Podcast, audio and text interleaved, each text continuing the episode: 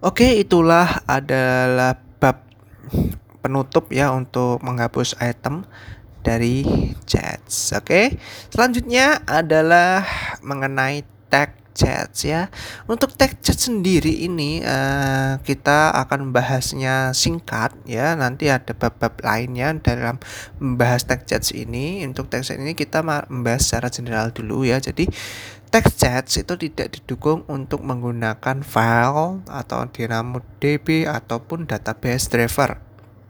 Lebih jauh lagi, saat menggunakan beberapa tag dengan chats yang disimpan forever atau selamanya, uh, kinerja akan menjadi yang terbaik atau the best dengan driver seperti memcache yang secara otomatis nantinya akan menghapus uh, rekaman yang telah kadaluarsa atau yang lewat dari waktunya.